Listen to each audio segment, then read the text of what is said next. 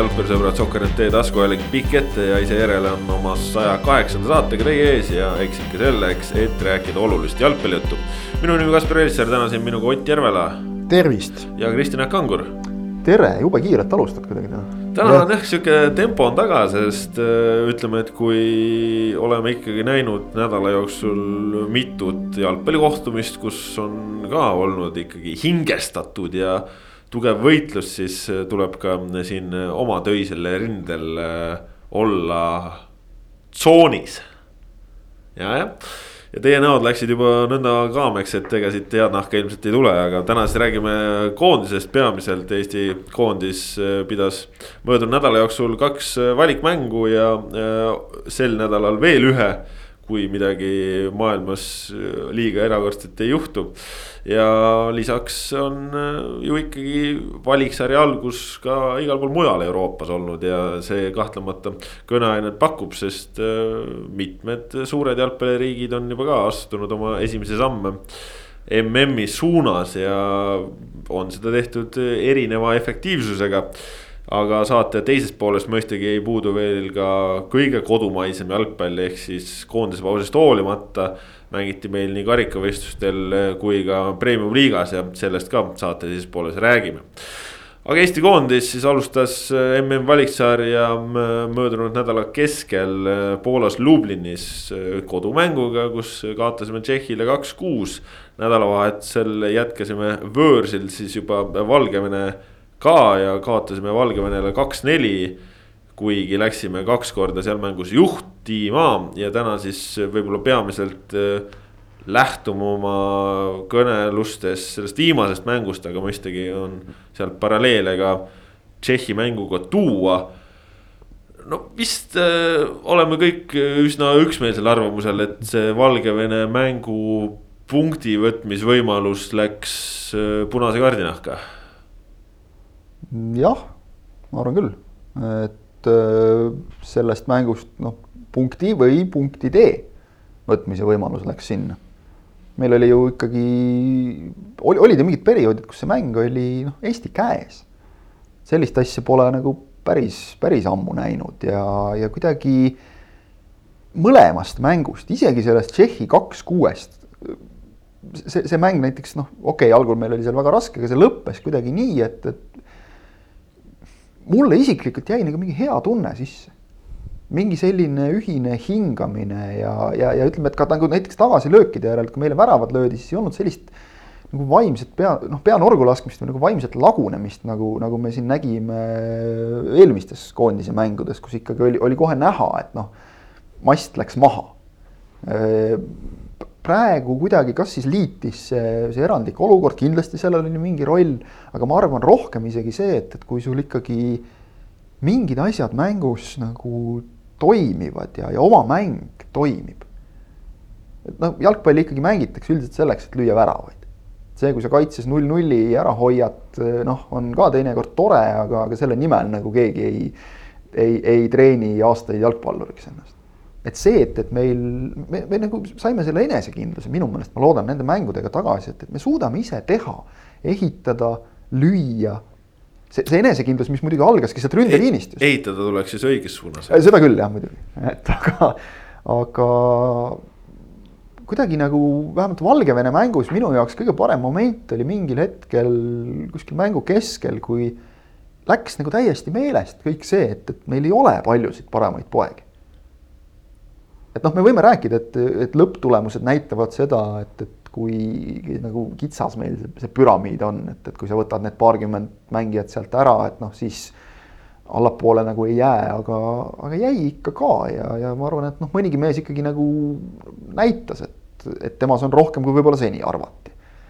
ja, ja, ja kuidas kogu, kogu see kooskõla, et, et see nagu toimis, nagu usuti sellesse ühisesse tegemisse see on ju tegelikult see, mille peale Eesti koondis saab üldse kuskile jõuda, et noh, ega me ma ei tea, võib-olla kunagi mingis kauges tulevikus imede ja asjade kokkusattumisel jõuame sinna, et meil on niivõrd head mängijad, lihtsalt üksteist nii head mängijat. me peame võib... ikka selle ühtsusega nagu hakkama saama. aga see võib juhtuda ainult mingiks lühikeseks perioodiks, mitte stabiilselt pikemaks ajaks, sest no väga hea näide on praegu Islandi võistkond. mis on, on ju kahel eelneval suurturniiril mänginud, aga tänavusel EM-il nad ju ei mängi, ei mängi, nad langesid play-off'is välja ja praegu on alustanud MM-valiksarja kahe kaotusega.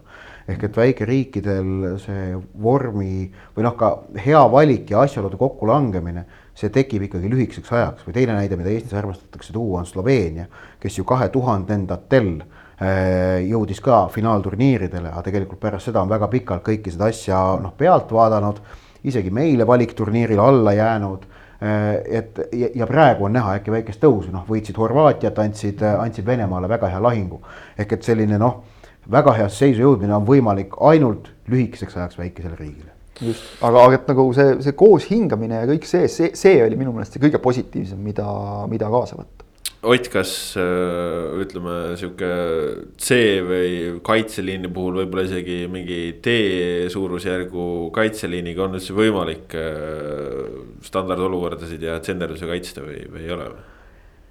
Ma ei, ma, ma ei tahaks äh, taandada seda asja niimoodi, kuidas öelda, niivõrd lihtsaks, et, et probleem oli see, et äh, me ei suutnud kaitsta tsenderdusi ja standardolukordades jäime hätta, et äh, tuleb ikkagi mõelda sellele, kust need tsenderdused ja standardolukorrad tekivad. Need tekivad selle pealt, et vastasel on surve, vastasel on ruumi ja miks see tekib, sellepärast et vastasel on parema kvaliteediga jalgpallurid väljakul kui meil. Ja nende võistkondlik kvaliteet noh, ületab selle pealt tekitatakse ülekaal. Ehm, et ma vaataks seda asja ikkagi natukene komplekssemalt või mitte ainult natukene, vaid päris palju komplekssemalt. Ja, ja tõdeks, et see on ikkagi üldise mängu kvaliteedi küsimus. Ehm, et, ehm, et noh, standardolukordade puhul noh, seal, seal ikkagi sõltub noh, paarist mängija tüübist, paarist, paarist mängijast väljakul, et noh, oleks Joonas Tamm juures olnud standardite puhul oleks asi nagu noh, no kohe tohutult palju kindlam olnud, no annab juurde. me nägime tegelikult, äh, tegelikult ju ka äh, seda, kuidas Märten Kuuse lisandumine minu meelest andis ikkagi selgelt tsenderdustel ikkagi kindlust väga juurde. väga palju juurde. jah, äh, tõsi, Valgevene kaks-kaks värav sündis tsenderduse olukorras, kus Kuusk oli selle olukorra epitsentris, aga noh, seal ma nüüd ausalt öelda kiidaksin seda väga head palli, et, et noh, standardolukordade puhul vahest on tegelikult ikkagi ka niimoodi, et kui see tsenderduse kvaliteet on niivõrd hea siis ongi kaitsjal keeruline. see ongi see seisva palli eelis. no kusjuures kolmanda värava puhul võib-olla, kui Kuusk oleks kehvem õhuvõitleja, siis ta oleks ulatanud selle pallini ja ei oleks andnud lutsu, on ju, aga. nojah, jah, nojah, no nii ja naa, eks ole, aga no, ega need mõlemad olukorrad on sellised, et noh, seal mõni mees oleks saanud ka veel nagu paremini tegutseda. absoluutselt, et noh, et noh, kaks-kaks värava puhul, miks õigusel oli vaja, jah, talle tehti ennem viga, aga see ei anna sulle õigust teha ise viga otsa noh, ja nii tobedat viga, et sa tõmbad mehe nagu pükstest maha. sa pead nagu aru saama, et selline, selline käitumine ei ole rahvusvahelisel areenil okei okay,, et kui sul ei tule vilet, siis sa ei tohi ise nagu sinna otsa teha. sellega see karistuslöök üldse Tšehhi, valgevenelastele tuli, on ju. Ehm, et noh, kõik need asjad on ikkagi noh, seotud sellega, et mis on see meie konkreetne valik, mis väljakul on ja ja asjade objektiivne seis oli nüüd nende kahe valikmängu põhjal selline, et äh, oleme ausad, tšehhide vastu, isegi kui oleks Eesti mänginud oma parimas koosseisus, tõenäoline, kõige tõenäolisem tulemus oleks ikkagi olnud kaotus.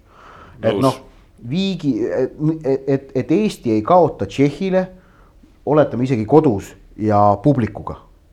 et tõenäoliselt Eesti ei kaota valikmängus Tšehhile, noh, kolmkümmend protsenti ideaalses olukorras. äkki natukene rohkem, äkki natukene vähem, no sinnakanti, eks ju sest äh, kõigele vaatamata põhikoosseisus neli venda Bundesliga-st, kaks Premier League'ist, üks Serie A-st või oli midagi, no seitse venda kolmest tippliigast. lisaks veel päris head koosmehed hetkel. jah, ja lisaks Praha-Slaavia, kes on Euroopa liiga veerandfinaalis äh,. Valgevene osas on nüüd asi teistsugune, et seal me tegelikult äh, me, me, me, me ka nägime noh, kahjuks mitte küll lõpuni välja aga ikkagi noh, see mängupilt ja mängukäik viitasid sellele, et äh, vaat tuleb välja, et premium-liiga, mis on Euroopa selles äh, eurosarja tulemuste põhjal koostatud pingereas kahjuks tagantpoolt kolmas hetkel ja see on nagu fakt, millest mööda ei saa vaadata. siis ikkagi selle premium-liiga mängutempo ja kogemuse pealt minna rahvusvahelisse koondise jalgpalli Euroopa keskklassi alumise otsaga madistama, kuhu Valgevene kuulub. Äh, et on võimalik, see oli noh see oli, see oli, see oli lahing, kus jah, Valgevene oli, oli, oli noh, oli soosik.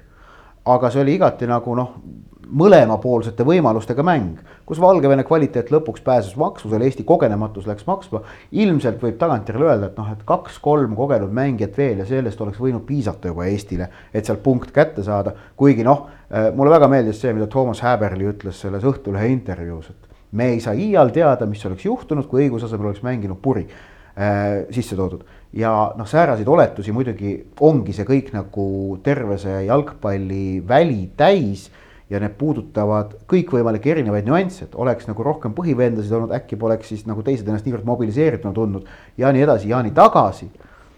aga jah, kahetsus on lõpuks siis selles, et Valgevene vastu ei saadud punkti kätte, sest et äh, vaatamata kõigele, noh, see oli seal nagu väga selgelt saadaval. no me läksime ju kaks korda juhtima seda mängu ise. See näitab juba. No... kumbki juhtimine ei olnud nagu koba. jah ei olnud mingi nagu juhuslik või niimoodi, vaid need olid nagu mänguliselt välja teenitud väravad, loogiliselt. esimene värav oli väga selgelt välja teenitud selle pealt, et oli tuvastatud Valgevene kaitseliini suurim nõrkus, pallid sinna kaitseliini taha, aeglased ründajad. noh Anier, äh, me nägime tegelikult ennem seda, kui Anier selle värava ära lõi, me nägime mitmel korral, kuidas Sappinen valmistas, äh, Sappinen ei jooksnud küll keskelt, aga ta läks mööda äärt mitmel korral niimoodi, et tema kiirus oli no valgevenelastele noh, tekitas vaata et kerget paanikat on ju. ja, ja selle pealt see, see, see nõrkus oli tuvastatud, selle peale mängiti, selle pealt löödi värav, väga hea. Kaks-üks värav oli mängutarkus, mängija tarkus, kuidas Vašjuk oskas peaga Äh, tagasi mängida selle palli sinna ohutsooni, kuidas Anier oskas targalt, oli osanud targalt sulusest välja tulla, liikus tühja kohta, kasutas võimaluse ära. Äh, et need olid nagu mängutarkuse pealt, aga samas jah, siis kahjuks oli ka seda, oli ka seda mängutarkuse nappust, et noh, Bogdan Vassiuki puhul noh, ma ei taha, minu meelest on asjakohalt rääkida, kas kohtunik tegi liiga kui sa niimoodi enda sa ei tohi lennata seal jah. sa ei tohi lennata niimoodi jah, sa lihtsalt ei tohi eriti, lennata.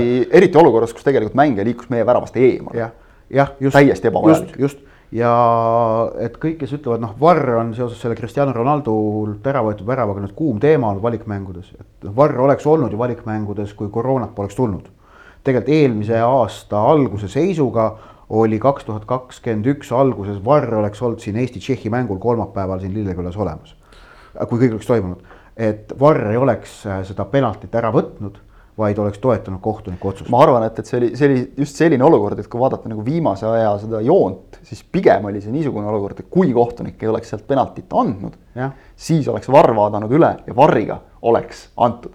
sest kontakt oli ja... ma arvan, et ma arvan, et viimase aja, aja varri, me vaatame viimase kuu-paari varri suundumusi. see sõltub, see sõltub muidugi varrist ka väga palju, konkreetsest kohtunikust. siis ma arvan, et see lahendus oleks olnud see, et igal juhul toetada kohtuniku otsust. nojah ühesõnaga see mäng ju tegelikult äh, oli selline, et Eesti küll alguses Valgevene vastu siis noh, oli selgelt surve all, aga ütleme sihuke paarikümne minutiga saadi ennast väga hästi mängu sisse. hakatigi kasutama seda trumpi ehk siis kontrarünnakut, mis toimis väga hästi. ütleme teise poole keskpaiguks oli mäng juba totaalselt võrdne. Valgevene oli, oli hädas palliga mänguga. kaks mida, ühe peal, kaks ühe peal oli ju see paar väga head rünnakut. mida ma tooksin esile, mis oli võrreldes Tšehhi mänguga nagu öö hooajapäev ja, ja mis oli, ma ütleks lausa väga heal tasemel, vähemalt teisel poolel küll oli keskvälja press ma ei ole näinud Eestit niimoodi vastase väljaku poole peal pressi minemas, ma ei tea, kui kaua. Valgevene ei saanud tagant üldse palliga tulema, kohe meie mehed olid seal, panid nad kinni, Alliku, Zappinen, kõik tegid kõvasti tööd, said need söödud kinni. Vassiljev ja see. ma, ma nagu... tahaks just Vassiljevit mainida selles osas, et tal oli mõlemas mängus noh, nagu seda oma ampluaad võimalik täita suhteliselt vähe, sest et noh, pall eriti talle ei jõudnud. see, mismoodi ta selle ikka andis resultatiivse söödu ära. ja ikka annab ära, eks ole, ikka teeb oma ära, vanameister teeb ikka oma ära. ja, ja, ja see, mismoodi ta tegi, no ta, ta ilmselt tunnetas ise ka, et, et see on see koht, kus tema peab olema nagu tõesti kapteni eeskuju.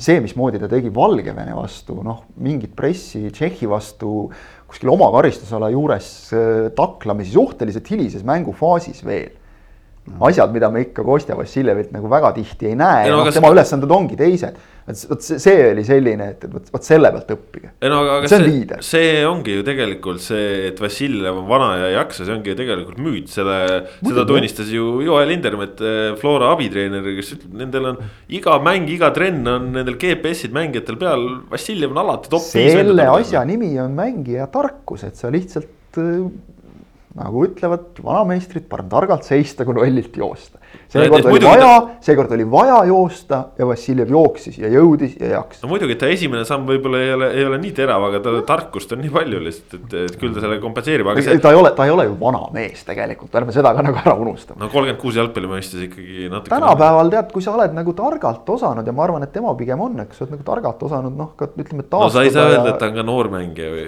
ei no noormängija ei seda ole. ei väidagi, aga ta ei ole nagu selles mõttes, ta ei ole vanur, noh, et vahel jääb nagu selline mulje, et kui sa oled üle kolmekümne viie, et noh, siis on nagu paras pensionile ei ta minna. see Jaapani viiekümne aastane mees ei ole jah. nojah, ei sihuke on ta ei ole. aga samas noh, tuletan meelde, tal nagu liigesevigastusi pole olnud. liigesevigastused su- suuri karjääris, liigesevigastused on teatavasti kõige kindlamad äh, karjääri lühendajad. kui sul on kas hüppeliigesed või põlved läinud, on ju, või puus või midagi muud sellist. et, et äh, noh, selles mõttes, et tahaks loota, et tegemist pole praegu Vassiljevi viimase koondise aastaga ja Ja- kar-, jalg, jalgpalluri aastaga. tõsi, noh, ei tea, see otsus võib igal hetkel muidugi tulla, aga noh, nendes mängudes tõesti äh, Vassiljev näitas äh, noh, kvaliteeti, just nimelt sa ütlesid õigesti, et mitte ainult seda kvaliteeti, mille poolest ta on nagu kuulus, vaid kogu, kõike muud temas peituvat kvaliteeti, mis puudutab siis nii mängutarkust, nii liidri omaduseid, nii seda noh, kuidas öelda, korrapidajat väljakul. noh, ja see oli Eesti koondisele nendes mängudes tohutult väärtuslik. Kazuyoshi Miura, parandan ennast, jah, oli see, keda sa mõtlesid. Aga mis mulle meeldis, oli selles Tšehhi mängus just kas nagu mängu lõpus, noh, siin mõned on nagu hakanud ka rääkima, et no Tšehhi lasi jala sirgu, enam ei viitsinud, tuletame meelde, väravate vahe on esimene asi, mis loeb. MM valiksarjas. MM valiksarjas, mingit põhjust ei olnud tšehhidel seal hakata lõdvalt Nad tõid kaks uut tegid- ründajat Nad tegid lõpus ründavaid vahetusi, noh, see ei aga nad ole loogiline. selle kolmikvahetusega oma rütmi ära. Aga see- aga aga see näitab jällegi nüüd Nagu Eesti taset tolles olukorras, et see kolmikvahetusest tingitud ajutine rütmikaotus, mis on paratamatu Tšehhi puhul, suudeti ära kasutada ja jätta selliseks, et nad ei suutnudki seda rütmi enam taastada. just, see on ja minu meelest sealt tuli nagu Eestil see, see usk tagasi. Jah, et, et me suudame Noh, ise mängida, ise teha. latti ja noh. Vašjuk lõi latti, eks ole, Puri sekkus väga hästi, andis värava söödu kohe, me lõime selle ühe värava tagasi. võid ju mõelda, et noh, üks-viis või, või kaks-kuus, et seal ju tegelikult ei ole sisulist vahet. jaa. vaimses plaanis, emotsionaalses plaanis on ikka tohutu vahe. Mart Reier, meie kolleeg, ütles ju Twitteris, ütles, et sellisel hetkel igal juhul enne kaks kuus kui null neli. no absoluutselt, absoluutselt., täiesti nõus. kuigi noh, teisalt on ju vaata, ongi, et tavaolukorras ma ütleks pigem null neli kui kaks kuus. sellepärast, et kaks kuus tähendab seda, et sul on ikka totaalselt asjad käest ära. kui sulle kuus sest, sest sul on kuus löödud. jah, kuus on palju, selge, aga emotsionaalses plaanis oli see praegu tähtsam. tollel hetkel jah. praeguses olukorras täpselt seda mängu arvestades, mängukäiku arvestades, arvestades seda, et järgmine oli Valgevene mäng, kus mm -hmm. noh, oli vaja seda enesekindlust. mis mehed meil olid väljakul, see, siin oli praegu see vajalik. jah, et äh, ja, ja, ja kui ma siin oleme erinevaid äh, kolleege ja muid mehi tsiteerinud, siis ma tsiteerin ka Jalgpalliliidu infojuhti ja asepeasekretäri Mihkel Uibolehte ERR-i intervjuus. mitteametlik amepea. mitteametlik asepeasekretär, jah. praegu oli meil puudu paarkümmend mängijat, aga läksime võõrsil kaks korda juhtima alles siis, kui jäime vähemusse, löödi meile kaks-kolm, kaks-neli, see näitab minu arust meie jalgpallikultuuri kasvamist, et meil tulevad mängijad, kellel pole pea ühtegi koondise mängu või te- ja teevadki selliste vastu debüüdi, natuke võib-olla väristavad jalga, aga veavad välja. ma arvan, et nendele mängijatele on suurim kompliment see, et pärast mängu analüüsiti seda mängu kui tõsist jalgpallikohtumist, mitte ei räägitud, meil oli selline ja selline koosseis seda mainiti pigem vähe ja räägiti, et kahju, et Valgevene vastu punkti ei saadud, see on nendele mängijatele kompliment. ma sellega olen igati nõus. et tuleb noh, nagu arvestada, et mitte hakata tampima jälle, et, et me nüüd kaotame, eks ole, noh, kahe mängu kokkuvõttes ikkagi laseme endale kümme väravat lüüa. Seda on palju võitu. kahe mänguga neli väravat, kuule. aga lööme ise neli kahe mängu, millal meil oli viimati, kui me kahe mänguga nagu nädala sees lõime neli tükki? ma arvan, et ei olegi löönud jah. mõned no ikka on. Põhja-Iirimaale kodus lõime no neli vot, vot, no sellest on natuke aega möödas Gibraltaril lõime kuus ja, ja neli ka. aga lüüa sellistele vastastele nagu kaks ja kaks, see on juba natuke keerulisem. Gibraltareid me võime ju siin nagu loputada, eks ole, aga kuulge, aga ega see tegelikult selles mõttes on ju sürreaalne, et tõesti nagu vaatasid seda Valgevene mängu. ja no ühel hetkel oligi, see mäng oli selline, et no tundus endal ka, et kuule, aga täna tulebki ära noh. Täna tulebki ära. ja oli näha, et mängijatel endal oli ka see tunne väljakul, et, et täna tuleb. ja no, no, ja, läks, no, ja nagu no mõtle, mis seal oleksid olnud siis. Tšehhi seda... vastu seda ei olnud kordagi yeah., isegi ja. pärast üks-nulli, noh, oleme ausad, see andis nagu tunde, et see on, see on ajutine. see oli klassikaline see, et, et nüüd ajasime karu kurjaks mis nüüd tulema hakkab natukene. ei noh, jah, ja seal on see, et oleks selle Tšehhi vastu, oleks juba Märten Kuusk olemas olnud, siis see kogu see kaos, mis selle poole tunni jooksul järgnes, avapoole ja lõpp, teise algus, oleks olnud oluliselt väiksem. no aga mul jäi nagu mõte praegu lõnks ju siin pooleli, et äh, see Valgevene mäng, see tunne, et kuule, aga siit tulebki ära. ja siis mõtleme, et meil oleks sinna juurde panna Karl-Jakob Hein, Joonas Tamm, Karol Mets, Vladislav Kreida, Mattias Käit, Lasi Sinjavski. noh, see on hullumeelne. Sergei Zenjov no,. rääkimata no, ju, Ojamaad, särgid, värgid ja nii edasi, on ju, et noh. Sorga et oleks no. rünnakul olnud vahetus, et oleks, oleks see, et viis vahetust. sa oleks saanud teha Valgevene vastu kuuekümne viiendal minutil ühe ründaja teise vastu välja võtta, võtad Anieri või Sapineni välja, paned Sorga asemele. veel värskem, veel kiirem vend sinna ette, raisk. Noh, täpselt.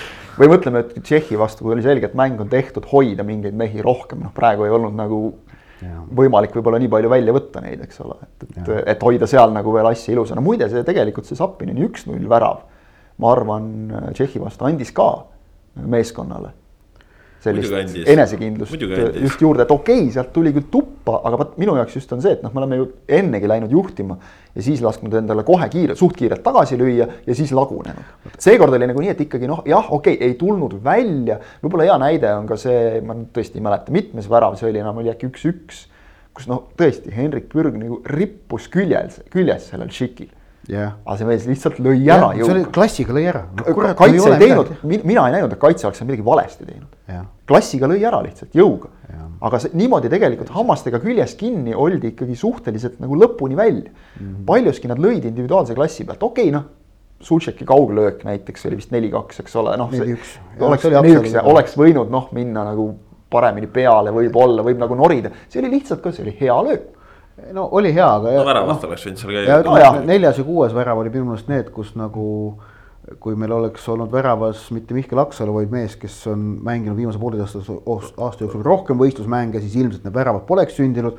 Aga samas oleks need väravad sündida kuskilt mujalt ja kokkuvõttes tagantjärele põhjendus, miks pandi Aksalu ja mitte Valner väravasse, oli loogiline. ja tegelikult oli loogiline ka Igoneni kasutamine. Valgevene mängu. absoluutselt, ei seal ei olnud ju küsimust ka enne, enne, enne Valgevene mängu ei olnud küsimust, kes on väravas, see oli sada protsenti. see on täpselt seesama, see Häberli öeldud see Sanderpuri teema nagu, et, et kui need, kes kiruvad praegu, et miks ei toodud õiguse asemel puri, kiruksid täpselt samamoodi vastupidises olukorras.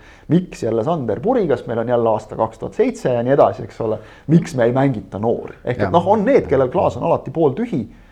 Neist ei maksa välja teha, nagu me oleme arutanud ka, Toomas Häberli üks suur trump on see, et ta Eesti... õnneks ei saa aru, mida kirjutatakse kommentaariumites ja foorumites. ja, ja see on, see on tõeliselt hea, et see on, ma, ma kohe naudin seda Äh, teadmist, mis mul on, et tema ei saa sellest kõigest aru ja kogu see virts, mis seal on, ei oma mitte mingisugust mõju arvata võib, igaühel on õigus, see käib nagu jalgpalli juurde, aga vot halb on see, kui see hakkab nagu mõjutama seda, mida tegelikult väljakul teha. kuulge, aga, aga siin ongi Toomas Häberlist on vaja selles mõttes ka rääkida, et äh, kuigi Martin Reim on siis seal koondise juures olnud, siis äh, kaks mängu mõlema plaani taga on ikkagi Toomas Häberli, mõlemate koosseisude taga on Toomas Häberli. ja ma ei tea, ütleme, et noh, see on selles mõttes ju absurdne olukord, et nagu tema rolli on nagu kuidagi raske siia nagu sajaprotsendiliselt sisse tuua, samas ei saa ka sellest mööda vaadata. ehk siis ma ütleks, et tema siis noh, seni näidatud mänguplaanid või ideed tunduvad igatahes väga sümpaatsed. ja et siin tuleb, ma arvan, et on oluline öelda, et nendes kahes mängus Eesti peatreener oli Toomas Häberli ja Martin Reim oli peatreeneri äh, koha, kohapealne peatreener, midagi sellist. Aga, aga noh, jah, et või, või on aus öelda, et nad olid koos, aga et noh, need ei ole Reimi mängud olnud tegelikult, Reim ei ole nendes mängus olnud peatreener. nimetada, ütleme Reim isegi nagu abitreeneriks, noh, mängu ja. ajal peatreeneri kohustes, see on ju sisuliselt, sisuliselt on see ju võrreldav sellega, kui peatreener on eemaldatud põhimõtteliselt küll jah mm. -hmm. kui ta, tal ei ole luba viibida ja, väljaku ääres tribüünil kuskil, Ja ta- tänapäeval on ju võimalik, seda me nägime seal pingi pealt ka kogu aeg, tahvel on ees, eks ole, suheldakse, klapp on kõrvas. see, et eemaldatud peatreener ei tohi suhelda ka. Jah, seal on see, see nüanss see, see nüanss ka veel, selles mõttes oli veel parem nagu olukord. aga, aga, aga jah, et, et, et, et need on nagu häberli mängud olnud jah, ja, ja tõesti nagu ütlesid, need plaanid. mulle meeldib mitmekesisus. vot, ma tahtsin just me öelda, mulle meeldib see, et me räägime praegu mitmuses, mänguplaanidest mm. -hmm. ühes mängus üks, teises teine. see kolmene kaitseliin ju tegelikult Valgevene vastu noh, suures plaanis ikkagi töötas. just tänu sellele, et me saime nagu oma ründemängu mängida või ütleme siis noh, kolmesest kaitseliinist tulenev see, et meil oli kaks ründajat ees. Kui sul on kaks sellist meest nagu Zappinen ja Anier praegu, siis neid noh, oleks patt jätta nagu mõlemad vaadake, mis, mis, mis ongi suur vahe, kui me, me Eesti mängis viimati viie kaitsega, mängisime viis-neli ühte ja nüüd mängime viis-kolm kahte ja, ja mis ongi viis-kolm kahe selge trump, esiteks.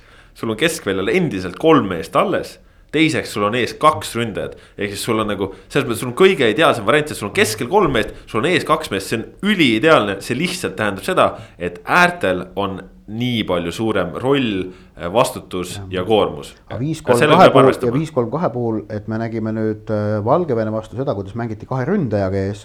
Anier Zappinen, tuletan meelde, Ferencvarose vastu olid Zappinen, Vassiljev. ehk et ka see on variant, on võimalik mängida viis, kolm, kahtega niimoodi, et sul on ees ründaja ja ründav poolkaitse, noh. on see siis viis, kolm, üks, üks või mitte. mängu no, käigus muuta, eks ole, teha kõike. aga, Aga kus- näha on see, et et tõesti, et äh, see võistkond ei ole mingi ülirangelt nagu formatsioonis kinni, vaid äh, Häberli soodustab ja tahab, et mängijad võst- võtaksid äh, mängu jooksul ise vastutust äh,, positsioonilisi valikuid teha, väikeseid asju ümber kujundada ja noh, ütleme nii, et kui nüüd äh, mõelda sellele, panna see natuke laiemasse konteksti, mis on olnud Eesti Jalgpalliliidu mantra viimased kümme-viisteist aastat. On targa targa jalgpalluri arendamine. See tegelikult sinna kontseptsiooniga läheb nagu väga selgelt kokku nojah, ütleme, et ega selles mõttes ega see viis, kolm, kaks on ka selles mõttes, et tema, temast ei saa suhtuda nagu traditsioonilisse viis, kolm, kahte, sest ta on ju ikkagi eh, nii-öelda balansist väljas, et, et üks äär, oli siis Ferenc Varos vastu siis Sinjavski äär, vasak äär, nüüd siis äh, Alliku äär, parem äär, et, et on ikkagi nii-öelda tasakaalust väljas. mis teeb ka ta nagu selles mõttes ütleme, et ühest küljest vastase jaoks keerulisemaks, aga, aga nõuab teise nurga alt ka Eesti mängijatelt äh, võib-olla isegi natuke rohkem. mis äh, nende kahe mängu puhul võib-olla ma nagu välja tooksin, et, et kui siin on olnud viimased võib-olla isegi kolm aastat periood, kus äh, Konstantin Vassiljevil ei ole siin erinevates mänguplaanides justkui õiget kohta olnud ja teda ongi järjest rohkem pandud ründesse, siis ma nüüd ütleksin selle viimase mängu pealt. Konstantin Vassiljev võib seda number kaheksat mängida täiesti südamerahuga ja ma arvan, et ta mängis seda paremini, kui ta oleks mänginud äh, ees seda teist ründajat. Äh, Valgevene vastu jah, Tšehhi vastu mitte. ehk et see jällegi äh, noh, sõltub ka sellest vastasest, sõltub mängukaaslastest. Ehk et jaa, see üks selle praeguse süsteemi eelis on ka see, et Vassiljevit on võimalik kasutada mitmel kohal. Aga- tuletame meelde seda, kuidas Magnus Persson oli hädas sellega, et tal oli Konstantin Vassiljevi jaoks väljakul ainult üks väga kindel koht ja lisaks oli kogu süsteem üles seatud niimoodi, et äh, Vassiljev oli asendamatu. kui teda ei olnud, siis kogu ülejäänud süsteem lakkas töötamast ja praegu just nimelt see viis, kolm, kaks on, mida, mida, mida Häberli on kasutanud või siis ka noh, ta kasutab ka ju neli, neli, kahte või neli, viis, ühte, no seda me oleme ka näinud. no, no e- ega on- see ju viis, kolm, kaks on ka ele, elementidest on ju mängu jooksul ta on nagu, nagu neli, kaks, kolm, on üks ümber põhimõtteliselt. kujundatav ning seal noh, kui me mõtleme selle peale, et meil on olemas sellised mitmekesised poolkaitsjad nagu Martin Miller ja Markus Soomets, keda noh, kindlasti Häberli, me nägime juba selles Ferencvarose mängus, ta tahab väga neid kasutada ja noh, nad on kasutatud mitmetes erinevates rollides, siis ka see kõik nagu sobitub kenasti kokku, et nüüd, nüüd on ka Markus Poom seal saanud need mängud kirja ja Poom ilmselgelt äh, on mängija, kes Häberlile meeldib nüüd on huvitav näha, kas Vassiuk pärast seda, kui ta nüüd ootamatult need kaks võimalust sai, et noh, kas, kas ja kuivõrd palju ta valikusse jääb. ma arvan, et jääb.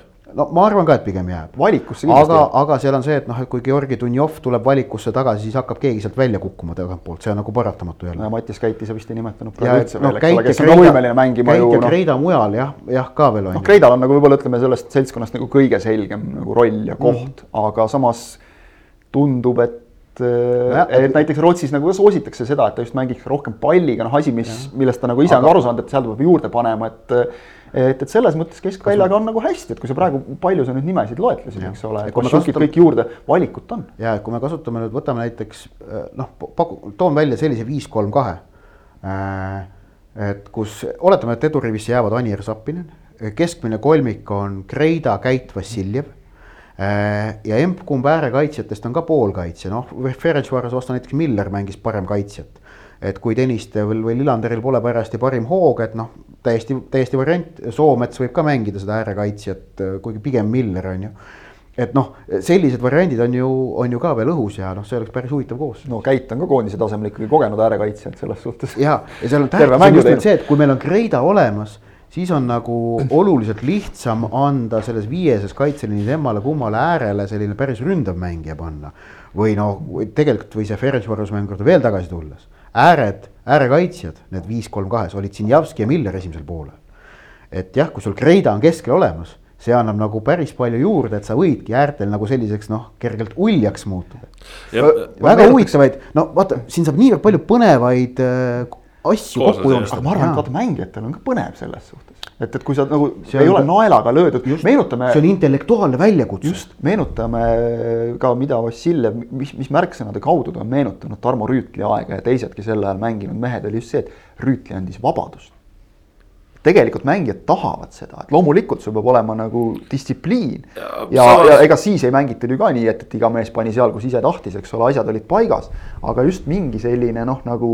no ma, ütlen sulle ka seda. vaimne ega..., vaimne vabadus, mulle tundub, et sellest vahepeal ütleme näiteks Pärssoni käe all noh, ikkagi mehed olid kuidagi kipsis täiesti. ei, seda küll, aga, aga ütleme, see kohtade mõttes ega jalgpallur ikkagi eelistab mängida seal, kus ta on harjunud mängima. ei, seda muidugi, ma, ma ei mõtle, et nüüd hakatakse suvalistesse kohtadesse nihutama, aga lihtsalt see, et, et sul mängu käigus on noh, nagu võimalus leida ise mingeid lahendusi ja. vabamalt natukene. aga ma, ma tooks välja veel, veel ka selle, et Markus Poom, kes on ikkagi noh, Eesti jalgpalliväljakutelt äh, olnud teada-tuntud number kaheksa, kohati isegi number kuus on ju, sest tal on väga hea löök ja sööt, et äh, number kuue peal mängides Valgevene astub edasi jumala välja ja, ja ma ütleks, et see on selle nurga alt nagu noh, see oli ikkagi suur test ju, et see rahvusvaheline mäng, paned numbri kuute see tähendab ka seda, et, et tõenäoliselt, kui ta nüüd on terve, on ju.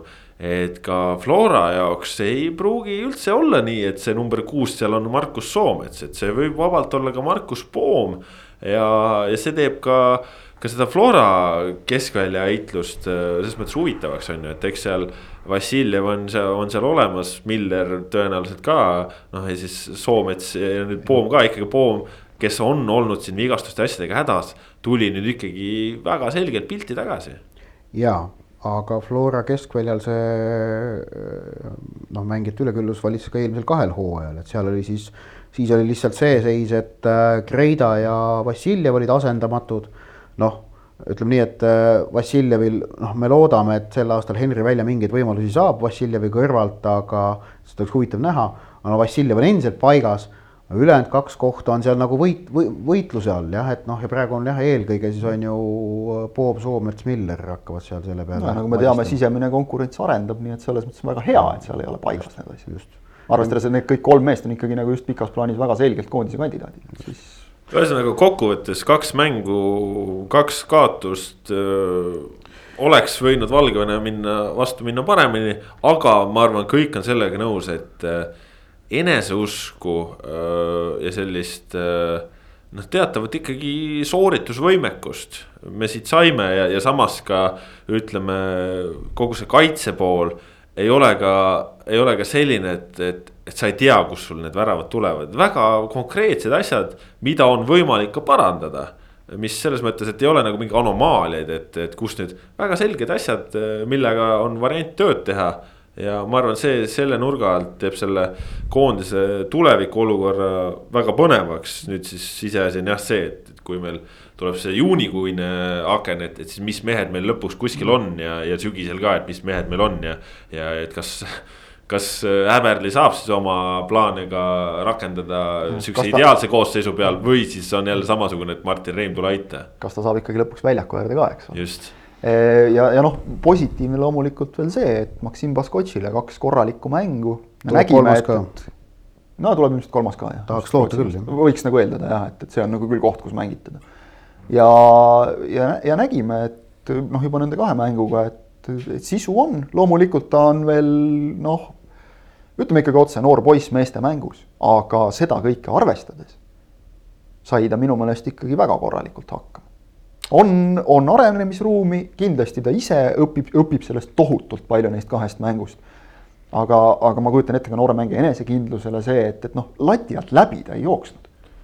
kolmapäeval äh, nüüd äh, maavõistlus Rootsiga Stockholmis, äh, mis ja kuidas tõenäoline on see, et, et vahetusi mingil määral tehakse, Rootsi lubab ka vahetusi teha, aga, aga meie koosseis on sama kokkuvõttes need kakskümmend seitse mängijat või, või kes iganes see suurusjärk on, et seal muudatusi ei ole. meil lisajõudu ei ole, tuleb saada hakkama samade meestega ja samas ütleme, et pärast selliseid mänge nagu ei taha ka päris nalja minna tegema. ma arvan, et äh, jah, natukene äh, muudetakse, aga katsetada on mõistlik ainult asju, millest tulevikus on kasu. tulevik äh, puhul me räägime eelkõige siis hetkel nii Balti turniirist aga eelkõige muidugi maailmameistrivõistluste valikmängustest sügistest, sügisestest. ehk et ähm, noh, peab olema lõpmata tänulik äh, kõigile neile meestele, kes äh, esmaspäeva õhtul, eelmise esmaspäeva õhtul hilja selle telefonikõne vastu võtsid, asjad pakkisid, Tallinnasse saabusid, koroonatesti tegid, et koondisesse tulla. aga äh, kahjuks ei ole ja ei, minu meelest ei tohi olla see mäng Rootsiga nüüd koht, kus sa neid tänad äh, maavõistlusega. Äh, ehk et tuleb.... kus, kusjuures see oli selline nagu konkreetselt Karel Voolaidi stiil, kus ta, kus ta ikkagi tahtis kõigile mänguaega anda, kes on juba. no seda tegelikult, see ei ole midagi uut, ka Tarmo Rüütli proovis. tavaolukorras oleks see okei okay, ma arvan ja noh, võib-olla. sõltuv asjaolu. no sõlt-, sõltuvalt mängijast, aga oleks, oleks mõistetav. aga, aga praegu on ikkagi nüüd vaja otsida sealt kooslusi ja lahendusi, mida oleks võimalik tulevikus ära kasutada ja natukene jah, anda võimalus. Äh, alustades tagantpoolt, ma arvan, et nüüd selle mängu võiks Valnerile anda. tunduks äh, loogiline, tunduks ausalt öelda ka õiglane. Äh, mängib Valner või Igonen, see on nagu selge. siis kaitses Kuusk mängib uuesti sellepärast Kindlasti, et, et ta, tema ei ole kahte mängu all, tal peaks jõudu olema. no ta on, meil pole, meil pole kaitseid. just, äh, Baskotšile tuleks anda kasvõi kolmas mäng veel otsa, kui vähegi nagu, kui nagu füüsiliselt kannatab, siis las alustab, las saab neid. rahvusvaheline mäng. absoluutselt, mida rohkem, seda parem äh, küsimus on nüüd, on ju äärekaitsjatega, et mida teha, Mihkel Lillander. üks, üks keskkaitse ka Michael Lillander. jah, Michael Lillander jah, aga nüüd on see, kas mängitakse viiese liiniga või mitte, eks näis. ma arvan, et nad tahavad ikkagi teha seda. no vaatame jah, aga et noh, Michael Lillander, oleme ausad, Valgevene mängu lõpus oli näha juba, et kumm oli päris tühi ja nüüd, kui, kui tema kumm on tühi, et siis on vaja hakata on ju äärekaitsjatesse mõtlema, et noh, et äh, näha on seda, et Kristo Hussar on Martin Käosest valikus eespool. Ehk et kui emb-kumb neist mängib, alustab, siis on see Hussar. no Hussar võib selle nurga alt ka tulevikku vaatav samm olla, et ta on ju praegu Flora põhikoosseisu mees. jah äh, ja ta võib jääda terveks hooajaks ja, ja see tähendab, et äh, noor mees, kellel on tulevik ees, on ju. ja variant on siis veel ka, et minna on ju sama kolmese keskkaitseliiniga, et Pürg alustab ka, mis tähendab, et äärtele et noh, et sul äärekaitsjatesse on sul võimalik vähemalt ühele poole panna siis äh, jah, mõni poolkaitsja või, või noh, selline ääreründaja tüüpi. ma üldse ei välistaks, alustab uuesti ka Rauno Alliku, äh, kelle esitus Valgevene vastu oli hea, sidus Äh, ta on kindel ja ta teeb oma asjad ära. ma arvan, et kolmekümne aastane mees on nädala jooksul kaks starti teinud, et võib-olla siis ikkagi. no eks näis, siis äh, aga nüüd mees, kellele ma nagu noh, ma eeldan, tähendab, et alustab, on ju Antonov äh,, temale keskväljal peaks alustama äh, ja, ja alustama ta... siis number kuue peal, mitte äärekaitses. jah, siis tahaks näha, et roll leitakse algkoosseisus Mark-Oliver Roosnupule Äh, kes on seda võimalust praegu nüüd seal oodanud ja kes minu meelest oleks mõistlik teda, teda nüüd proovida. ja siis ütleme sellest, kuidas sa tagapool nagu asjad paika paned, sõltub juba siis see, et kuidas nagu edurivi mehitada. et kas minnakse jälle kahe puhta ründajaga või on Vassiljev toetavas rollis, kas Vassiljev üldse on põhikoosseisus, äkki ei ole. äkki pannakse allpool keskvälja niimoodi ja minnakse eest ülevalt ikkagi Anir Sapinen duoga on ju äh, ja, ja siis noh, kõik need muud äh, ääreründajad ja äärepoolkaitsjad, need pannakse nagu mujalt noh, kõik hakkab peale sellest, kuidas sa selle kaitseliini mehitad, kas viiene või neljane ja siis sealt valikud, need juba dikteerivad ülejäänud asju, aga jah, Antonovit tahaks põhis näha, Roosnuppu tahaks põhis näha. Valnerit tahaks põhis näha ja Baskotši, kui vähegi jaksab, tahaks teda põhis näha. aga puht emotsionaalses plaanis ma olen nõus täiesti, et, et tuleks ka noh, kombineerides leida ikkagi nagu selline, et me seda head vibe'i ära ei kaotaks. ja no me ei saa Rootsi vastu nalja minna tegema Just. ka, et. Äh, et seal nad, nad võivad ka selle Zlatani pingile jätta, ütleme ideaalis oleks Eesti nii kaua mängus sees, et mingil hetkel Janne Anderson peab tooma pingilt Zlatani mängu päästma see, see oleks ideaalne. see oleks jah kompliment. just. ma, aga noh, selles, selles mõttes küll, et, et noh, kokkuvõttes ega noh, ütleme koondise puhul jah, ei, ei tahaks nagu seda näha, et lihtsalt, et et sa juba koondisesse tulid, et, et no anname siis sulle ka, et noh, kuna sa ikkagi tulid, et siis. Nende, nende see, asjade jaoks on. rahvusvaheline need, jalgpall ei, ei ja, ole. Nende ole, asjade nagu... jaoks on need aastalõputurniirid ja need, kus tõesti võib nagu aru saada, et, et noh. tegelikult ei ole ka need. ei ole ka need, noh, ei tegelikult no,, tegelikult ei ole.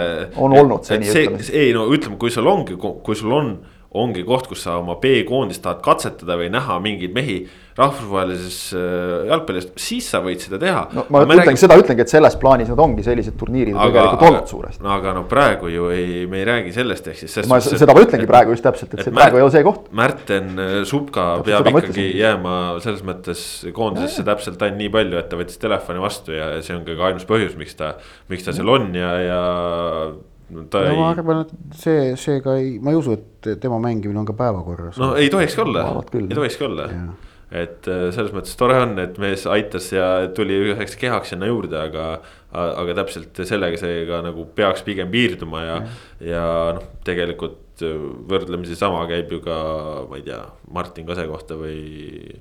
või kes meil seal veel on, et äh, no ikkagi mehed, kes tulid, ütleme viimasel hetkel nii-öelda noh, nagu trenni Robert keha tegema. on, on ilmselt mees, keda võib isegi mingitel tingimustes põhis näha, tema näiteks on see, et kui Anierile või Sapinile jalgkohustusest puhkust anda, siis tema on nagu kõige loogilisem variant teiseks ründajaks.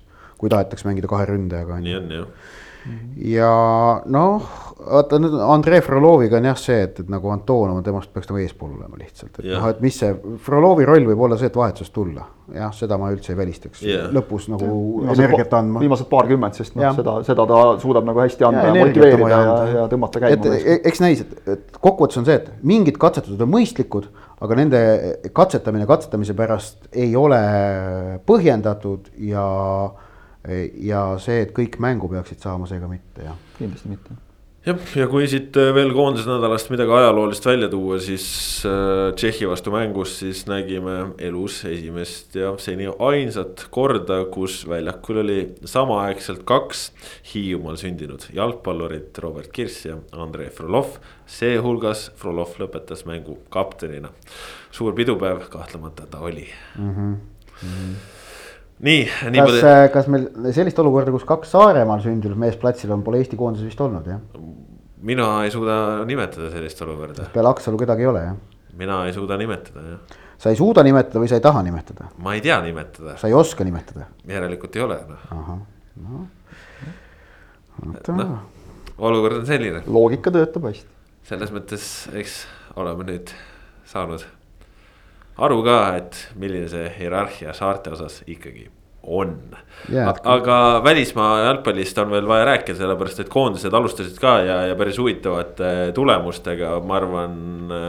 kõige suurem üllataja, kõige suurem šokeerija on olnud Türgi kes on alates kahe tuhande teisest aastast jõudnud kahel korral finaalturniirile, aga praegu nüüd ikkagi alustasid kahe võiduga ja, ja päris muljetavaldav. ma ütleks, et Türgi kaks võitu eraldi kumbki võit nagu võttes ei ole nüüd mingi tohutu üllatus, et noh, Türgi on ikkagi nagu Euroopa jalgpallis on selline korralik jõud, aga paned nad nüüd kokku ja see, mismoodi võideti et paned Hollandi ja, ja Norra, kus on Haaland ja Ödegard, et. just ja, ja Hollandit ikkagi. Holland, Holland taoti ära Hollandit ikkagi rapiti korralikult, Holland tuli mängu tagasi kahe minuti sees löödud kahe väravaga, kui mm.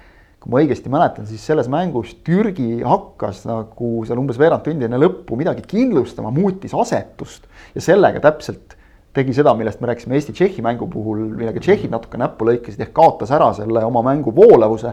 ja Holland noh, õnnega pooleks seal neid väravaid oodates kasutas selle ära. tuli mängu tagasi aga noh, ei saa üle ega ümber ikkagi Burak ilmas. on ikka vend, kolmekümne viie aastane või vana ta nüüd on ja lüüa sellises mängus. sa, sa enne kolmkümmend kuus pidi olema ju ka alles noormees, nii et noormees. ma ei ole seda väitnud, sa üritad mulle täna panna mingisuguseid sõnu suhu, mida ma ei ole öelnud järjepidevalt. see Hiiumaa on sulle pähe hakanud natukene, mulle tundub, sa oled kuidagi joovastuses sellest ajaloolisest saavutusest. aga, aga kolmekümne viie aastane ja täpselt selle pealt ma ütlengi, et, et kolmkümmend viis aastat noor Buraki Ilmas no,. kohe palju parem, kohe palju parem. Kasperi heaks kiitnud. kübar lüüa sellises mängus ja, ja, ja noh, üldse nagu valitseda seda mängu, et, et, et Türgi on noh, me teame, türklased emotsionaalne koondis ka ja kui neil jooksma hakkab, siis katsu pidama saada kui sa võidad kohe alguses Hollandit ja Norrat, siis nagu selline vundament on praegu valatud ikkagi nagu võimalikule edasipääsule. et ikka on kohe ja noh, ega, ega Holland tõesti selles mängus, ma enam-vähem olen nõus, et noh, skoor võib-olla ei peegelda seda, aga ikkagi tõesti nagu sa ütlesid, tambiti ära. ehk et see türklaste kolm-null eduseis, see, see oli teenitud ja, ja see tegelikult peegeldas seda mängu päris hästi. ja see, et Holland nüüd, eks ole, noh, nad ise tampisid hirmsasti Lätit aga lõid ainult kaks tükki sisse neile, lätlastele.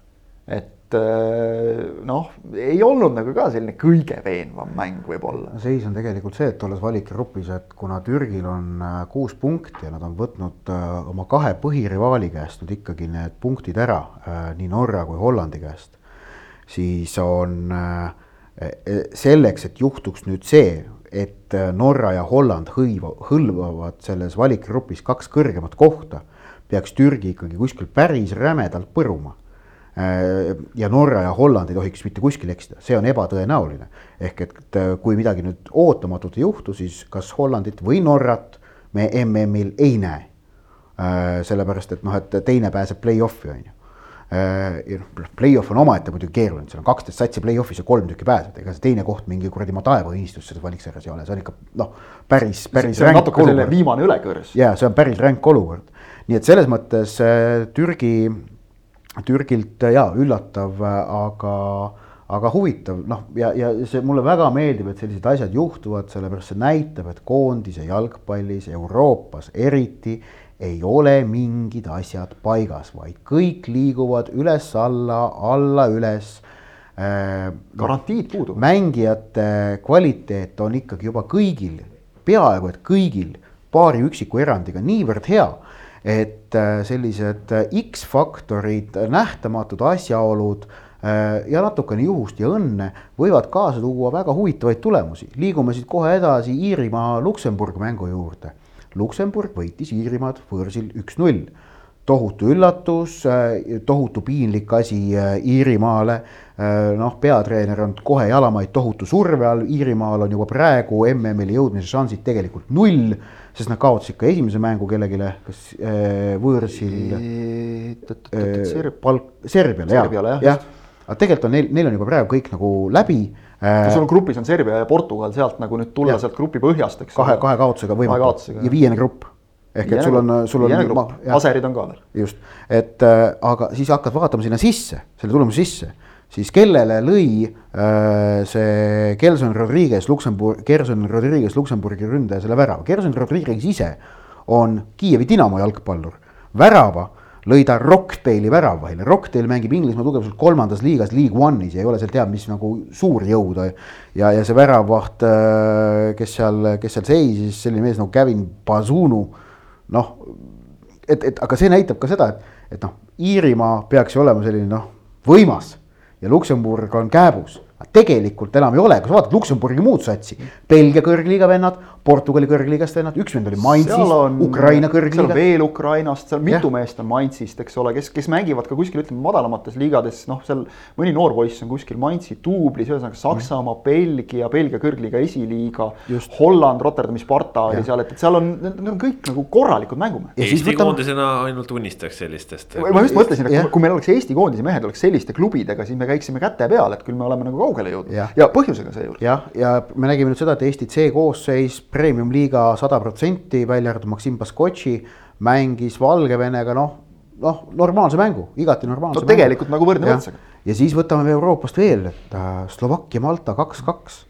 no ja Malta, vaata, kui Luksemburgi seda nagu noh, kvaliteet noh, ei ole nii tohutult üllatav siis vabandust, aga Malta on olnud ikkagi noh, ikkagi väga halb äh,. Malta on ikka olnud peksupoiste seas. jah ja Slovakkia kindlasti mitte ja te tegid kaks-kaks viigi noh. Läksid kaks-null ette, eks ole, võõrsil, seejuures just. Äh, Ei no, Armeenia, Hispaania ju ka. Armeenia võitis. Islandit. Armeenia klohmis Islandit kaks-null minu meelest. ja kaks-null jah, ja, ja Äh, Hispaania sai Gruusiast jagu viimase üheksakümne teise minuti no esi, väravaga. esimeses mängus nad ju tegid viigi kreeklastega ka veel. no Hispaania, Kreeka, no see on noh, Kreeka on siiski endine Euroopa meister. no aga- endine, aga Kreekat me oleme võitnud ja Kreekaga viiki mänginud. jah, ja, ja väga His- Hispaania oli Gruusiaga tohutus hädas, sai küll võidu kätte, aga Luis Enrique äh, ütles enne äh, nüüd järgmist mängu, ma olen enne mängu Kosovoga tohutult mures. see on Luis Enrique, kes on Hispaania koondise peatreener ja see on Hispaania koondis, sama peatreener ja sama meeskond, kes eelmise aasta sügisel peksis Saksamaad, neljakordset maailmameistrit, kuus kuradi ma null. Soome näide tegelikult, soomlastel on, On pettunud. Soomlased on soomlased on pettunud, et neil on äh, Bosnia ja Hertsegoviina ja Ukraina vastu äh, kahest mängust kaks viigipunkti. Ukraina vastu võõrsil seejuures. okei okay,, olid sellised mängud, et äh, noh, ühe, üks punkt nagu on selline kaotatud võit, eks ole, kaotatud kaks, teine on jälle võidetud üks. aga, aga Soome püsib, püsib Jah. pildil ilusti. praegu on äh, D-grupi seis on Prantsusmaa kolm punkti Äh, ei, vabandust, Prantsusmaal neli punkti, Soome kaks punkti, Ukraina kaks punkti, Bosnia-Hertsegoviina üks punkt, noh okei okay,, Bosnial on üks mäng mängitud ainult. aga noh, töötab mm, toimib ja, ja igal pool tegelikult. igal pool ja tegelikult äh, eks me ju näeme kasvõi noorte tasandil siin U kakskümmend üks EM ka käimas, et seal inglased on ju püsti hädas, et. äh, no inglastel on muidugi see, et neil ilmselt mõned mehed on A-koondises, kes võiksid nagu veel mängida. no jaa, aga mõned mehed, kes seal ikkagi mängivad No seal on ikka mängumehed, Premier. League'i põhivennad, et Jah, äh, selles mõttes. et, äh, ei, kihvt noh, ja tahaks lihtsalt, et me ise ka Ei. ühel päeval oleksime seal, et. jah, oleks sümpaatne. Praegu Aga- näiteks ma vaatan H-gruppi, kus on siis Venemaa, Sloveenia, Horvaatia, Slovakkia, Küpros, Malta. kahe mängu järel kõikidel meeskondadel on punkt käes mm., vähemalt punkt käes. jah, et, et eh, noh, Euroopa jalgpalli, koondiste jalgpalli tase on ikkagi viimase kümne-viieteist aasta jooksul kõvasti ühtlustunud. väga oluline käik, mis aitas kaasa selle taseme ühtlustumisele, oli ikkagi selle EM-finaalturniiri laiendamine kahekümne nelja osalejani. Sest see on andnud eh, ikkagi väga paljudele rohkematele koondistele finaalturniiri kogemust, elamust ja lootust, mis kõik mõjub mo mo motiveerivalt, mõjub motiveerivalt. ning tegelikult ma ikkagi, ma arvan, et me näeme praegu nende Malta ja Armeenia ja äh, selle Luksemburgi tulemuste puhul juba ka nüüd rahvuste liiga esimesi efekte. rahvuste liigat on nüüd kaks hooaega mängitud. see on siis see olukord, kus äh, väiksematel koondistel on võimalik äh, noh, mängida vastastega, kelle vastu nad ei ole kogu aeg teerulli all Äh, ja, ja saada nagu võrdseid mänge ehk et äh, omada seda kogemust, kuidas mängida jalgpalli. ja me näeme ka seda efekti, et just nimelt ma arvan, et Malta ja Gruusia ja Armeenia ja, ja nad ei oleks ilma selleta tingimata seda kõike suutnud. ja olukord on praegu selline, et Euroopas on veel praeguse seisuga on tegelikult ainult kaks peksupoissi hetkel. On ja üks on nagu selline, kes on kogu aeg olnud ja võib-olla selleks ka jääb, on San Marino Äh, kelle vist see viik Eestiga on neil endiselt ikkagi väga pika jooksul ainukene punkt, rahvuste liigas nad midagi saanud. Äh, ja noh, hetkel on seis ka see, et Gibraltar on viimasel ajal ikka väga jällegi noh, suurelt igast otsast tuppa saanud, samas nüüd äh, sügiseses rahvuste liigas olid nad head. Kuule, aga lihtsalt. Andorra näiteks ju mäletame, sorry, Andorra ju, üle-eelmine valiksarja, kui nad Ungarit võitsid, noh, ei ole peksupoiss. aga Eesti ei ole mingi circa kakskümmend mängu võitnud juba. jah aga peksupoiss tähendab, ma pean peksupoisi all silmas tõesti seda, kes nagu noh, San Marino läheb ja saab igal pool nagu null kuus noh.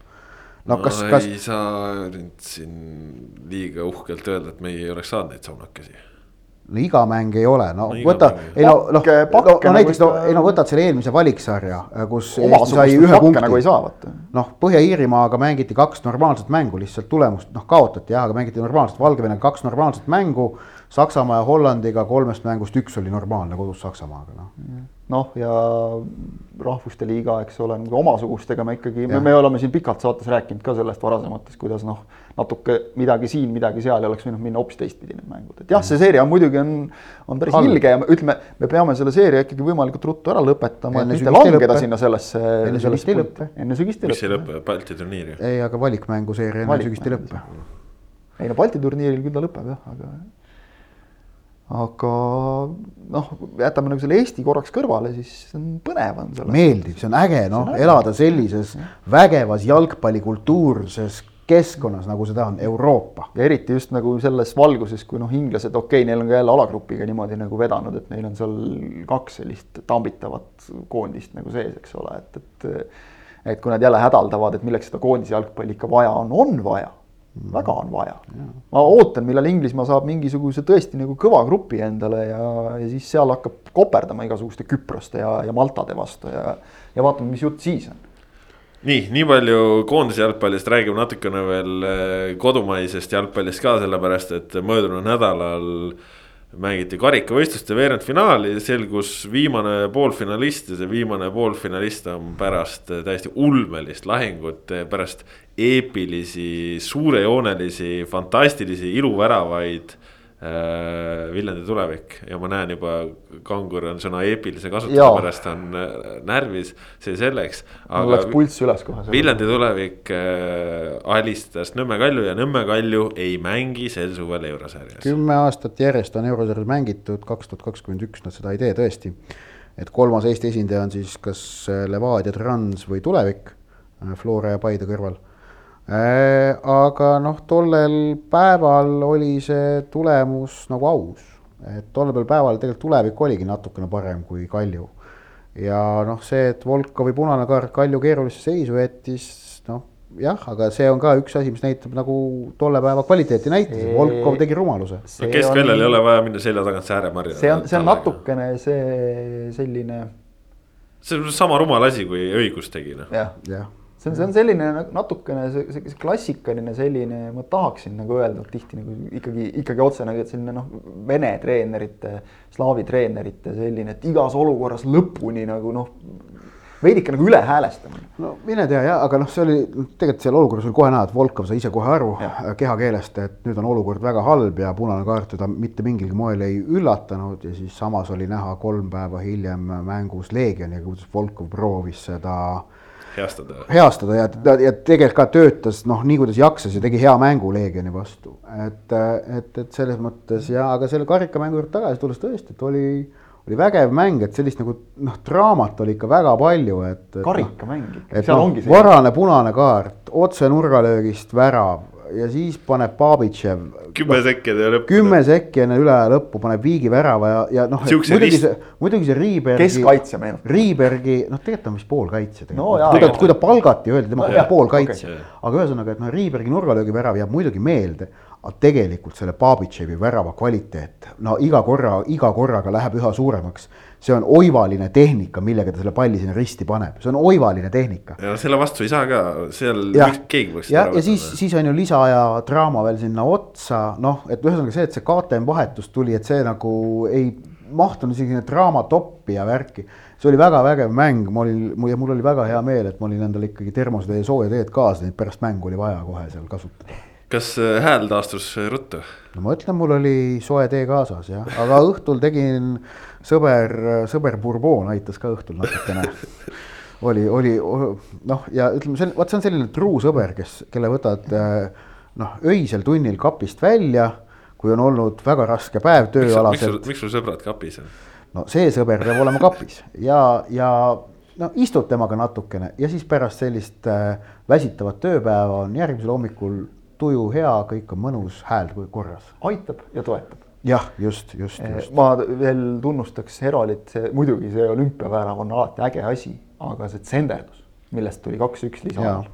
see oli noh võib-olla vot sellistes olukordades mängija klass läheb välja. et sa suudad saja neljateistkümnenda minutil väsinud jalgadega sellise palli anda. Eh, et vot, vot kui Viljandi saab sel hooajal nagu selle Heroli ja ütleme, esimesed märgid on nagu positiivsed. esimene, ta on kolm mängu mänginud äh, silmavõistvalt hästi. sest et Herol on seda tüüpi mängija, kes on noh, seda parem, mida paremini mängivad nagu teda ümbritsevad mehed.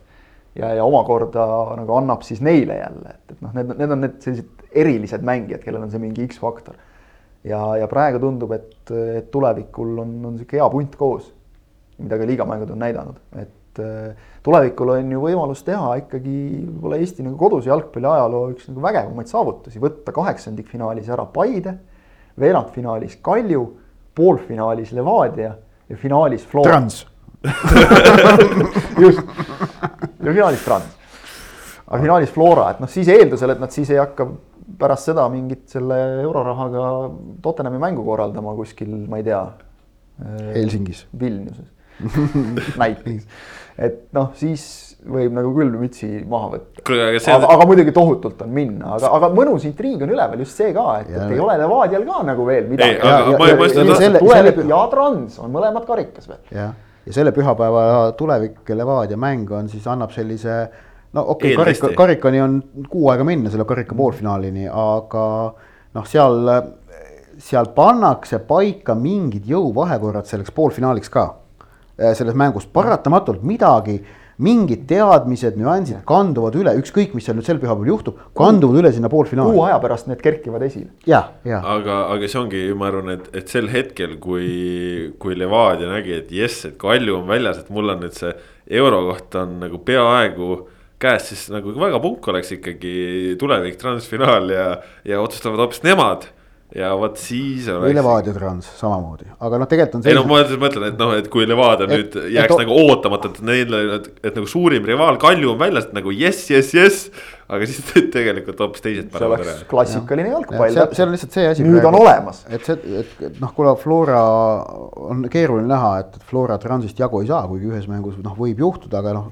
et siis noh, eeldatavasti Flora ikkagi üks finalist on, et, et ja teine teine finalist siis, kui on tulevik, mängib eurosarja koha nimel, kui on Levadia Flora vastas, siis äh, mängitakse ainult karika nimel. noh, siis on Levadia Flora karikafinaal, mis ei ole ka kindlasti nagu halb lahendus. olen mõnda sellist kommenteerinud, ei ole maailma kõige halvem asi, mida. ei, ei ole kõige halvem asi, mida, mida vaadata ja mida kommenteerida. absoluutselt. mida, mida mängida ka kindlasti.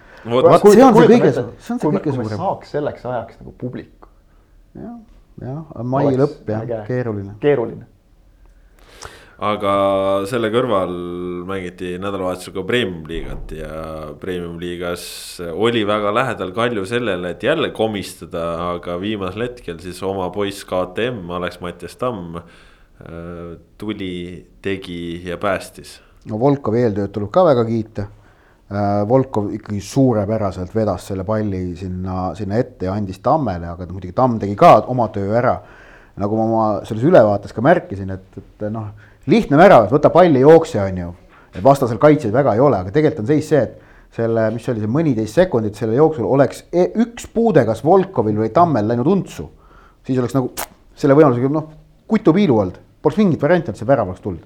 et selles mõttes nagu jällegi ja et sa suudad üheksakümnendal minutil sellist kvaliteeti näidata, see on, see on see mõnu, mida nagu jalgpall pakub, kui sellised asjad nagu tulevad, nagu me mainisime ka see Heroli äh, tsenderdus sa sada, sada neliteist, et sa suudad sellisel lõpuhetkel selle kvaliteedi endast välja võluda no.. see on, see on sport, see on sport. vaat see, kuidas Kalju pani Leegionile ära, vaat, vaat selline ongi sport. tahaks nüüd nagu halba nalja teha, et noh, Volkovil oli ainult kolmkümmend minutit jalgades ka. jah, seda ka, seda ka ja erinevad muud. selle võrra väärtust ja, ja noh. aga no. ei, see on noh, see, see ongi, see oli selline mäng täpselt, et ta, ta võis täpselt kuni selle kaheksakümne üheksanda minutini ükskõik kummale poole kukkuda ja tegelikult ju värav tuli Leegioni nurgalöögi järgi ja Leegion äh,, ähm, Leegionil Šapovalovil oli kaks väga head varianti, see Šapovalovi kaheksakümne neljanda minuti dribling, kui ta neljast Kalju vennast mööda läks.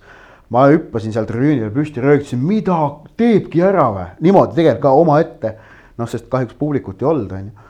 ja, ja noh, siis Leppmets tõrjus, eks ole, et, et see oli nagu huvitav ja noh, Leegion on tegelikult ikkagi mõlemas mängus näidanud, et noh, kurat, neis on sisu on sisu ja mis ma nagu hooaja eel vist ütlesin kuskil ennustuses, et nad on kõige üks huvitavamaid võistkondi, keda sel hooajal Premiumi liigas vaadata, siis ma olen juba praegu veendunud, selle ennustusega ma võin täppi. ja ka mänguliselt, neid on põnev vaadata. just. Neid on hea vaadata, neil on Andreev, neil on Šapovalov. Andreev mängib äh, palju huvitavamalt kui eelmisel aastal, et eelmine hooaeg vaata teda kasutati niimoodi noh, lihtsakoeliselt, aga nüüd Andreevit noh, tuleb meelde selle Vaadi Andreev. väga palju vahetasid näiteks ka Nikita Ivanoviga positsioone, et vahepeal Andreev vajus allapoole, Ivanov tõusis hoopis. see on, see on, see on huvitav jah, see, see pressingu, pressing, pressingute hetkel ka, et pressingus nad mingi hetk lähevad nagu kahekesi ülesse mm. -hmm. siis ühel hetkel Andreev vajub nagu kümne peale, aga samas nagu mingite teiste staatiliste rünnakute puhul on jällegi ta ise on mm -hmm. nagu tipus, et see. aga Andreevi puhul on see, et vaata, et ähm, kui Andreevi see viimane Levadia hooaeg, kui ta oli ja tegelikult ka see, kui ta eelmine hooaeg Leegionisse tuli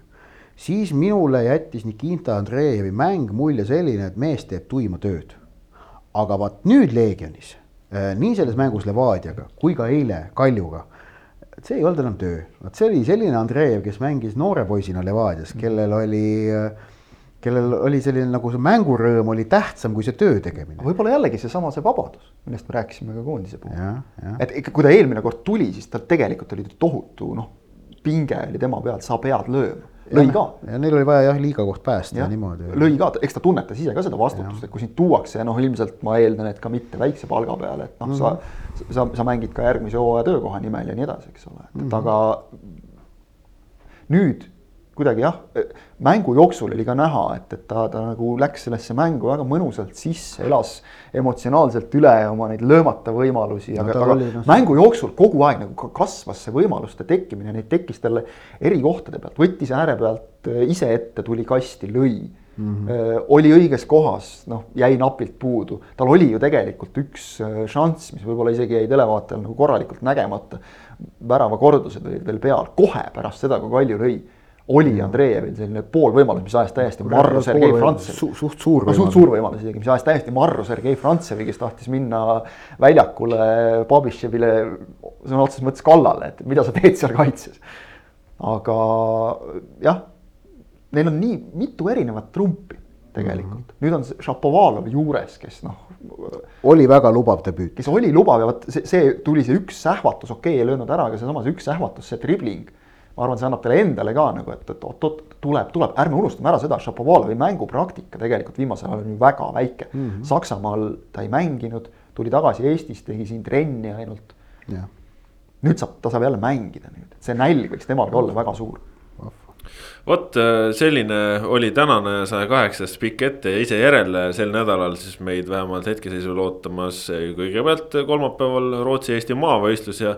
ja loodetavasti nädalavahetusel näeme ka premium-liigat lisaks. täies mahus lisaks mängitakse naiste superkarikat loodetavasti nüüd siis ja, ja igasuguseid muid lahinguid toimub ka, nii et äh, loodame, et kõik püsivad terved, et äh, suudame nautida kõike seda, mida meile tahetakse pakkuda.